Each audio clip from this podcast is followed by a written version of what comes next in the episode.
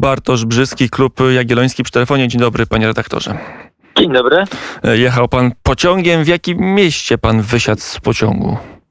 E, jestem na Podkarpaciu aktualnie w e, Robczycach, między Tarno, między Dębicą a Rzeszowem. Mm, I tak. To jest y, piękne miejsce, przynajmniej tak to sobie wyobrażam z punktu widzenia Warszawy. I y, pytanie, czy piękne, ale też czy czyste, bo y, kiedy spojrzało się w ostatnich dniach i godzinach na tabelę miast na świecie, tak, na świecie, dobrze Państwo słyszą, gdzie jest najgorsze powietrze, to tam czołowe miejsca zajmowały miasta z Polski, a była taka chwila, kiedy najbardziej zanieczyszczonym przodem powietrza miastem na świecie był Wrocław. Pozdrawiamy wszystkich radiosłuchaczy mm, e, we Wrocławiu, ale i Kraków i Warszawa też e, nie były znowu tak bardzo mm, nisko w tej pozycji, e, plasowały się w pierwszej dziesiątce. Na czym polega fenomen polskich miast, że wyprzedzamy Bangladesz, wy- wy- wyprzedzamy wielkie, tłumne, wielo, wielomilionowe aglomeracje państw trzeciego świata pod względem zanieczyszczenia powietrza? No myślę, że tutaj problemów jest e, wiele. Na pewno przez e, długi czas w ogóle o tym problemie się nie mówiło i po prostu pod względem świadomości byliśmy e, dosyć do tyłu. Nie mieliśmy też żadnych czujników, żadnych baz pomiarowych, które by nam pokazywały, jak jest źle. Dopiero od niedawna mm, właściwie każdy może sobie mm, wyszukać w internecie, jaki jest poziom stężenia pyłów różnego rodzaju w jego e, okolicy. No i to już daje nam pewną bazę pomiarową. Co więcej, dopiero od niedawna wiemy, jak bardzo sz- smog jest szkodliwy dla naszego zdrowia. To nie jest wiedza sprzed e, dekad, ale sprzed ostatnich e, kilku lat. E, Wiemy też na przykład, jak bardzo, jak negatywnie na rozwój dzieci e, w tym najmłodszym okresie wpływają e, te małe cząstki, które się w powietrzu unoszą. No i to wszystko sprawia, że dopiero no, zdajemy sobie sprawę, jak bardzo powinniśmy postawić na to, aby to e, powietrze mm, zmieniać i poprawiać. Natomiast e, oczywiście to też e, kwestia tego, że e, trochę długo zajęło nam e, wypracowanie różnych e, mechanizmów i wsparcia różnego rodzaju publicznego, no aby po prostu to polskie społeczeństwo, które jednak w dużej mierze no, nie jest na tyle bogate, aby, czy zamożne, aby samemu sobie z tym problemem poradzić, e, no aby mu w tym e, pomóc. Natomiast w tej chwili już te programy są na tyle rozbudowane i ostatni rok jednak pod tym względem jest sukcesem, no że właściwie mm, w dużej mierze każdy powinien sobie na jakąś termomodernizację móc pozwolić.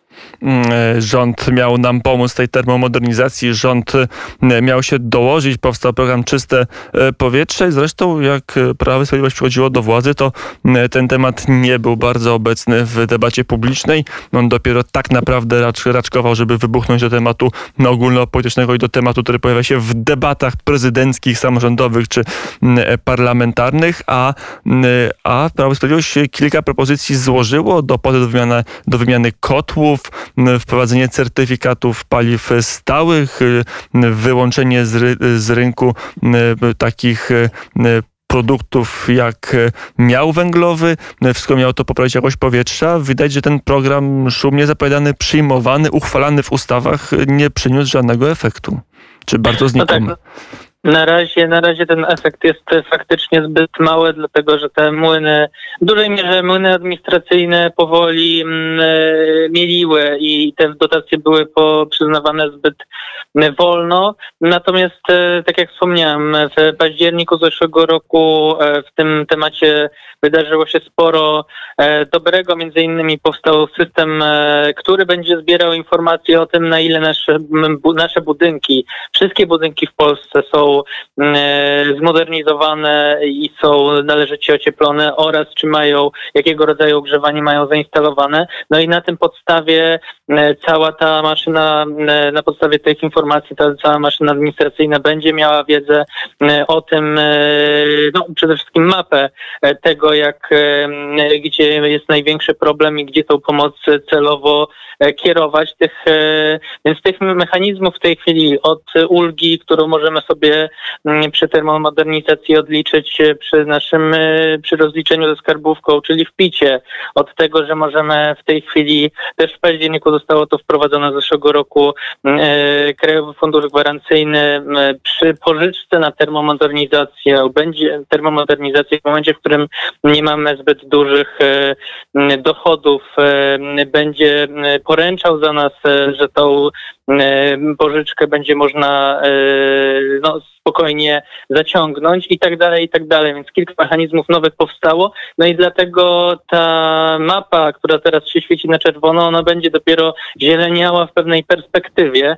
No i też trzeba być tego świadomym. A inna druga sprawa jest taka, że no, na, na poziomie centralnym też nie wszystko da się e, rozwiązać i przykład Krakowa i tego, że twarde zakazy faktycznie działają i to, że dziś Kraków nie jest tą stolicą e, najbardziej, stolicą smogu, E, polską, ale mm, wymienia się z Warszawą i Krakowem, pokazuje, że mm, no, ta praca, którą samorząd w dużej mierze wykonał kilka lat temu, dzisiaj przynosi efekty. A z drugiej strony rząd jakby tematem smogu przestał się interesować. Był raport Najwyższej Izby Kontroli kilka tygodni temu, albo już kilkanaście opublikowany. Tam napisano innymi o e, kuriozalnej wręcz sytuacji, gdzie z jednej strony Ministerstwo Rozwoju tam e, w tym temacie prym wiodła pani minister, pani poseł obecnie Jadwiga Emilewicz wprowadzało ograniczenia, a z drugiej strony Ministerstwo Energii e, wtedy pod rządami ministra Krzysztofa Tchórzewskiego e, de facto blokowała te ustawy, blokując wydanie rozporządzeń i tak ustawa była, rozporządzeń nie było i e, dalej można było sprzedawać takie frakcje węgla, które zawierały najbardziej trujące elementy. Co to mówi o, o całej tej machinie państwa i na ile rzeczywiście rząd Prawa i Sprawiedliwości szczerze i, i na serio wziął się za walkę ze smogiem?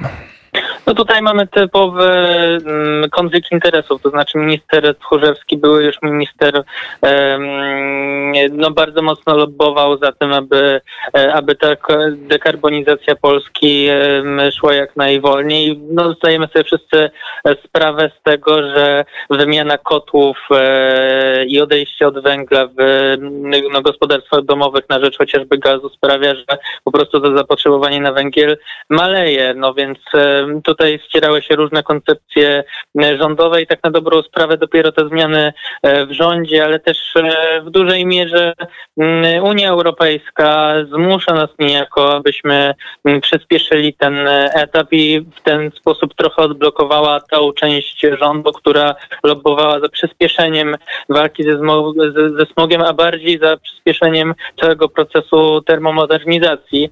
E, no i też trzeba być e, tego świadomym, że kiedy mówimy, kiedy wystawiamy ocenę rządowi, to tak na dobrą sprawę musimy być świadomi tego, że ten rząd to nie jest jednolita całość, tylko reprezentuje ona różne światopoglądy albo często po prostu interesy e, różnych grup. Niemniej jednak warto sobie zdawać sprawę, że prawdopodobnie w perspektywie te zakazy będą coraz mocniejsze i być może jestem sobie w stanie wyobrazić, że po prostu kolejne mm, miasta y, czy całe województwa będą, mm, tak jak y, Kraków, y, wymuszać na swoich mieszkańcach w ogóle zakaz palenia węglem, więc mm, no, jeżeli ktoś opóźnia tego rodzaju inwestycje, no to musi sobie zdawać sprawę, że prawdopodobnie i tak od niej nie ucieknie. Chociaż na przykładzie Warszawy można e, zobaczyć, że nawet jak ma się ciepło systemowe, e, to czasami można zmarznąć, nawet zatęsknić za jakimś piecykiem małym, który można by się ogrzać w Polsce, w Polsce, w Warszawie.